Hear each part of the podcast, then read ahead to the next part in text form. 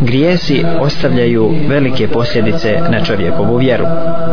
Grijesi siju njima slične grijehe i jedni druge rađaju, pa je tako robu teško da ih se prođi. Jedan od ispravnih prethodnika je rekao, kazna za jedan grijeh jeste grijeh koji dolazi poslije njega, a nagrada za dobro djelo jeste dobro djelo koje dolazi poslije njega. Tako i biva sve dok pokornosti i nepokornosti ne postanu duboko urezani oblici i stalne osobine. Kada bi dobročinitelj prekinuo pokornost, njegovoj duši bi bilo teško.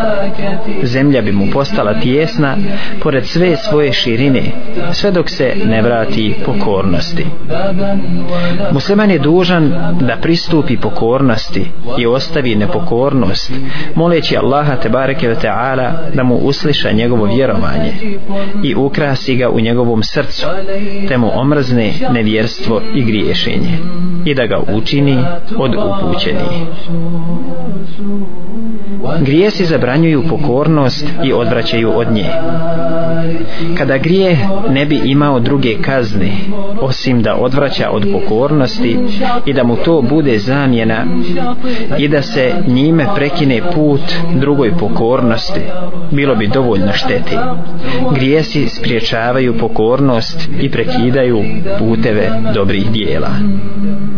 Nepokornost je razlog za prezrenost griješnog roba pred Allahom subhanahu wa ta'ala i padanja iz Allahovog oka.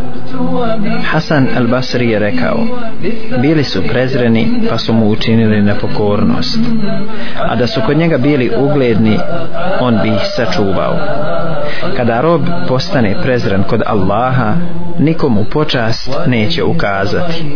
Uzvišeni kaže što u prijevodu znači a koga Allah ponizi nikoga ne može poštovanim učiniti Allah ono što hoće radi ako ih ljudi veličaju u vanjštini zbog straha od njihovog zla ili potrebe kod njih oni su u njihovim srcima najmizerniji i najprezreniji nepokornosti uvode roba pod prokletstvo Allahovog poslanika sallallahu alaihi ve sellem on je pro prokleo one koji čine te grijehe koji ih čini najprečije da uđe pod ovo prokledstvo prokleo je onu koja se tetovira i onu koja tetovira onu koja uvezuje tuđu kosu i onu koja traži da joj se uvezuje kosa prokleo je one koje utanjuju svoje obrve one koje se ukrašavaju i mijenjaju Allahovo stvaranje posebno cijenjene sestre i poštovane poštovani slušateljke obratite pažnju na ovaj dio jer mnogo je žena u današnje vrijeme koje utanjuju svoje obrve sate i sate provode pored ogledala uklanjajući dijelove svojih obrva i tako ih utanjuju smatrajući da se na takav način uljepšavaju prokleo je poslanik sallallahu alaihi ve sellem one koje utanjuju svoje obrve one koje se ukrašavaju i mijenjaju Allahovo stvaranje prokleo je onoga koji uzima kamatu i koji daje, koje zapisuje i ko svjedoči kamatnom ugovoru, rekavši da su oni isti. Skrenuo bih pažnju i na kategoriju ljudi koji daju kamatu, uzimaju kamatne kredite i daju kamatu ljudima, ili pak žirante i one koji pišu ove ugovore, jer smatraju da se kamatom bavi samo onaj koji tu kamatu uzima Allahu poslanik sallallahu alaihi ve sellem je rekao za sve četiri kategorije ljudi za one koji uzimaju kamatu za one koji daju za one koji zapisuju i za one koji svjedoče da su oni isti prošao je pored magarca koji je bio žigosan po licu pa je rekao neka Allah prokune onoga koga je žigosao Prokleo je kradljivca koji ukrade jaje, pa mu se ruka odsiječe i koji ukrade konopac, pa mu se ruka odsiječe. Prokleo je Allahov poslanik sallallahu alaihi ve sellem onoga koji prinese žrtvu nekome drugom mimo uzvišenom Allahu subhanahu wa ta'ala. Prokleo je onoga ko da utočište novotaru. Prokleo je onoga ko proklinje svoje roditelje i mijenja međe. Evo, evo jedne napomene i za one međaše, za one koji pomjeraju pedalj po pedalj u tuđu zemlju. Svake godine oni prepravljaju ograde. Bar će uzeti pedalj, ako ništa drugo. Bar će uzurpirati tuđu zemlju koliko može uzeti samo ograda, jer svaki put će pomjeriti samo za toliko koliko može ograda da uzmi. Fela ilaha illallah. Kao da zaboravlja da je Allahov poslanik sallallahu alaihi ve sellem prokleo onoga koji mi mijenja međe. Prokleo je Allahov poslanik sallallahu alaihi ve sellem one žene koje oponašaju muškarce i muškarce koji oponašaju žene. Prokleo je vino onoga koga pije, koga toči, koga prodaje, koga kupuje, koga cijedi, kome se cijedi, koga nosi, kome se nosi i ko se njime hrani. Napomena za trgovce porodice i one koji se bave proizvodnjom alkohola i alkoholnih pića.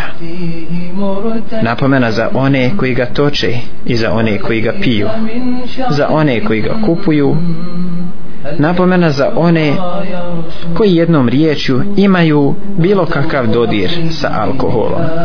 Prokleo je Allahu poslanik sallallahu alaihi ve sellem vino, a odnosi se na sve ono što opija. Onoga koga pije, koga toči, koga prodaje, koga kupuje, koga cijedi, kome se cijedi, koga nosi, kome se nosi i ko se njime hrani. Prokleo je onoga ko stavlja za metu živo biće da bi ga gađao. Prokleo je slikare naravno odnosi se na slikare koji slikaju živa bića. Prokleo je onoga koji psuje svoga oca, svoju majku. Ko zavede slijepca sa pravoga puta. Ko opći sa životinjom i ko radi ono što su radili pripadnici lutovog naroda. A to je homoseksualizam prokleo je onoga ko daje i ko prima mito. Ovo je napomena za one koji su korumpirani. Neće učiniti uslugu osim uz dobro mito. Prokleo je onoga ko daje i ko prima mito. Pazite se, ne podmićujte ljude. Jer je Allahov poslanik sallallahu alaihi ve sellem prokleo onoga ko daje i ko prima mito. Prokleo je one koji posjećuju kaburove i koji na njima prave džamije i osvjetljavaju ih.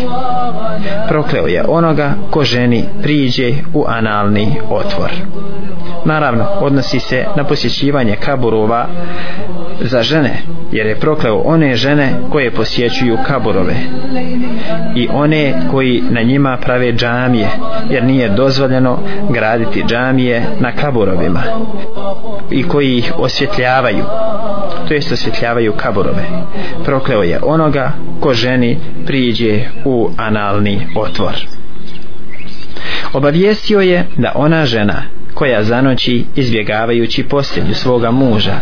Meleki je proklinju sve dok ne osvane. Obavijestio je da onaj koji u svoga brata uperi željezo, da ga meleci proklinju. Allah Azza wa Jalla je prokleo u svojoj knjizi onoga koga uznemirava ili ko uznemirava njegovog poslanika sallallahu alaihi wa sallam. Prokleo je onoga ko čini nered na zemlji i krši Allahov ugovor i prekida predstavlja ono što je Allah naredio da se uspostavlja. Prokleo je onoga koji iskrije ono što je Allah objavio od jasnih dokaza i upute. Prokleo je one koji optužuju časne i nevine vjernice za razvrat. Prokleo je one koji put nevjernika uzmu kao bolji vid upute od puta vjernika. Allah i njegov poslanik sallallahu alaihi ve sellem su proklinjali za stvari slične ovima. Da je u tome samo zadovoljstvo onoga ko to čini tako što će biti od onih koji proklinje Allah i njegov poslanik sallallahu alaihi ve sellem i njegovi meleci to bi bilo dovoljno kao poziv na ostavljanje neka se zato pametni udalje od svake nepokornosti kako bi bili spašeni neka je Allah tebareke ve ta'ala na pomoć u posljedice grijeha se ubraja i lišenost dove Allahovog poslanika sallallahu sallallahu alaihi ve sellem i meleka. Uzvišen je Allah subhanahu wa ta'ala naredio je svome poslaniku sallallahu alaihi ve sellem da traži oprosta za vjernike i vjernice. Pojasnio je da meleki traže oprosta za njih. Kaže uzvišeni što u prijevodu znači meleki koji drže prijestu i oni koji su oko njega veličaju i hvale gospodara svoga i vjeruju u njega. I mole se da budu oprošteni grijesi vjernici poslanicima gospodaru naš ti sve obuhvaćaš milošću i znanjem zato oprosti onima koji su se pokajali i koji slijede tvoj put i sačuvaj ih patnje u vatri gospodaru naš uvedi ih u edenske vrtove koje si im obećao i pretke njihove i žene njihove i potomstvo njihovo one koji su bili dobri. Ti si u istinu silan i mudar i poštedi kazne zbog ružnih dijela jer koga ti toga dana poštediš kazne zbog ružnih dijela, ti si mu se smilovao. A to će zaista veliki uspjeh biti. Sura El Gafir od 7. do 9. ajeta. Ovo je dova meleka za vjernike koji se kaju i koji slijede Allahovu knjigu i sunnet njegovog poslanika sallallahu alaihi wasallam. Allahu moj, nemoj nas lišiti dove Allahovog poslanika sallallahu alaihi ve sellem i tvojih odebranih bića meleka. Allahu moj, smiluj nam se, grijehe nam naše oprosti i uvedi nas u edenske vrtove. Grijesi uzrokuju Allahov zaborav na roba i zaborav roba na samog sebe. Kada Allah zaboravi svoga roba, onda nastupa propast u kojoj nema nade za spas. Kaže uzvišeni što u prijevodu znači o vjernici. Allaha se bojite i neka svaki čovjek gleda šta je za sutra pripremio i Allaha se bojte, jer on dobro zna šta radite. I ne budite kao oni koji su zaboravili Allaha, pa je on učinio da sami sebe zaborave. To su pravi griješnici. Uzvišeni Allah subhanahu wa ta'ala je obavijestio da kažnjava one koji ostave takvaluk ili bogobojaznost, tako što oni sami sebe zaboravi. To jest dadne da zaborave na svoje korijenje koristi i ono što će ih spasiti od njegove patnje i što će utjecati na njihov vječni život, na potpuno slast, radost i blagodat. Allah je dao da to sve čovjek zaboravi kao kaznu zato što je zaboravio na Allahovu veličinu i strah od njega, zato što je zaboravio izvršavanje njegove naredbe. Vidiš li griješnika kako zapostavlja i ignoriše vlasti djetetu korist.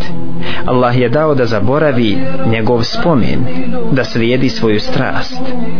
Njegove ovodunjalučke i ahiretske koristi su se razišle i zanemario je svoju vječnu sreću. Zamijenio ju je najmanjom nasladom, a to je prolazna naslada u kojoj nema dobra. Rečeno je, snovi su poput sjene koja nestaje. Pametan čovjek ne biva zavaran njome. Najveća kazna jeste da rob zaboravi na sebe, da se zanemari, zapostavi svoje pravo, da zaboravi pomoć od Allaha i da je proda za obmanu, prezrenost, po najnižoj cijeni. Zapostavio je ono bez čega ne može i što se ne može nadoknaditi. Za sve što si zapostavio postoji nadoknada, a kada zapostaviš odnos prema Allahu, za to nema nadoknade. Uzvišeni Allah subhanahu wa ta'ala nadoknađuje sve što je mimo njega, a za njega se ništa ne nadoknađuje. Grijesi izvode čovjeka iz kruga dobročinstva. Kazna griješenja jeste da griješnik bude spriječen da zaradi nagradu dobročinitelja. Kada dobročinstvo bude u direktnom kontaktu sa srcem, zabranjuje mu griješenje, jer onaj koji čini dobročinstvo dobročinstvo obožava Allaha kao da ga vidi. To je zastor između njega i između želje da se počini grije, a kamoli da se u njega zapadne. Grijesima se izostavlja nagrada vjernika. A koga ta nagrada i Allahova odbrana mimoiđe, mimoišlo ga je svako dobro koje je Allah posljedično vezao u svojoj knjizi za vjerovanje. To se očituje u stotinu odlika, a svaka od tih odlika je bolja od Dunjaluka i svega što je na njemu. Evo nekih. Velika nagrada, kaže uzvišeni što u prijevodu znači, Allah će sigurno vjernicima veliku nagradu dati.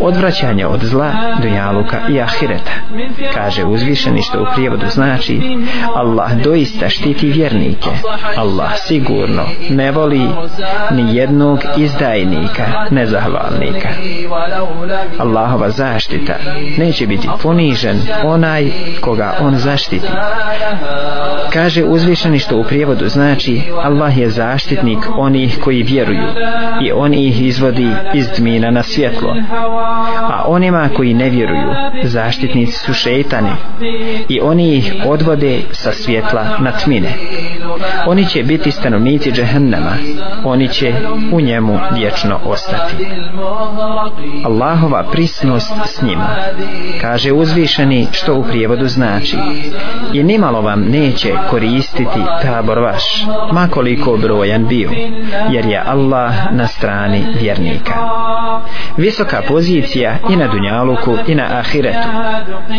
kaže uzvišeni što u prijevodu znači Allah će na visoke stepene uzdignuti one među vama koji vjeruju i kojima je dato znanje. A Allah dobro zna ono što radite. Ponosi snaga. Kaže uzvišeni što u prijevodu znači a snaga je u Allaha i poslanika njegova i u vjernika. Ali lice mjeri neće da znaju. Davanje dva udjela u milosti i svjetla pomoću kojeg idu i oprost njihovih grijeha.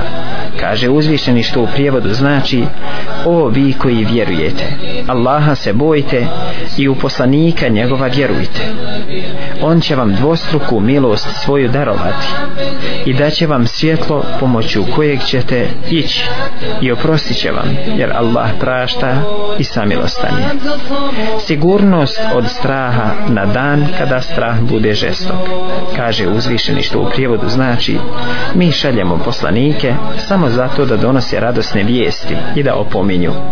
Neka se zato oni koji vjeruju i dobra djela čine ničega ne boje i ni za čim neka ne tuguju. Kur'an im je uputa i lijek. Kaže uzvišeni što u prijevodu znači, reci. On je vjernicima uputa i lijek. Ovim se želi reći da je iman razlog pridobijanja svakog dobra na Dunjaluku i na Ahiretu. Svako zlo na Dunjaluku i na Ahiretu uzrokovano je nedostatkom vjere. Pa kako robu može biti lahko da počini kakav grije koji će mu uzrokovati propast i na dunjaluku i na ahiretu. Ustrajavanje u grijesima uzrokuje prekrivanje srca, a postoji bojazan da se to nastavi i da uzrokuje činjenje dijela koja čovjeka u potpunosti izvode iz okvira vjerovanja. Zato je strah ispravnih prethodnika bio velik pa je jedan od njih rekao vi se bojite grijeha a ja se bojim nevjerstva griješenje uzrokuje prekidanje odnosa između roba i gospodara. Kada se to desi, robu se prekinu razlozi dobra, a za njega se vežu povodi zla.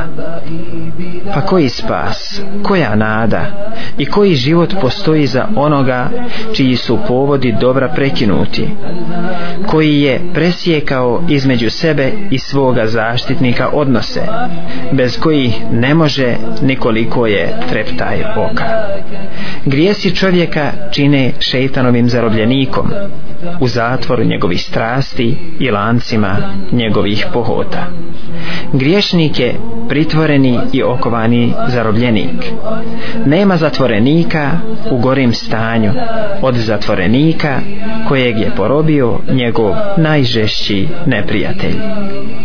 Nema tješnjeg zatvora od zatvora strasti, niti težeg lanca od lanca pohote, pa kako će onda putovati ka Allahu i vječnoj kući srce zarobljenog i okovanog zatvorenika neka je Allah na pomoći grijesi čovjeka čine da bude na najnižoj društvenoj ljestvici Allah je stvorio svoja stvorenja u dva dijela na višoj i nižoj poziciji učinio je Ilijin kao konačnog konačno boravište viših a esfele safilin kao konačno boravište najnižih one koji su pokorni uzvisio je i na dunjaluku i na ahiretu a one koji su nepokorni učinio je na najnižem stepenu i na dunjaluku i na ahiretu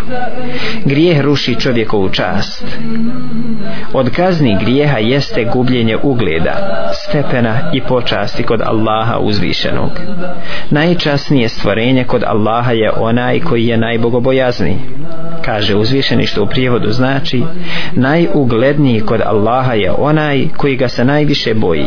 Allah u istinu sve zna i nije mu skriveno ništa.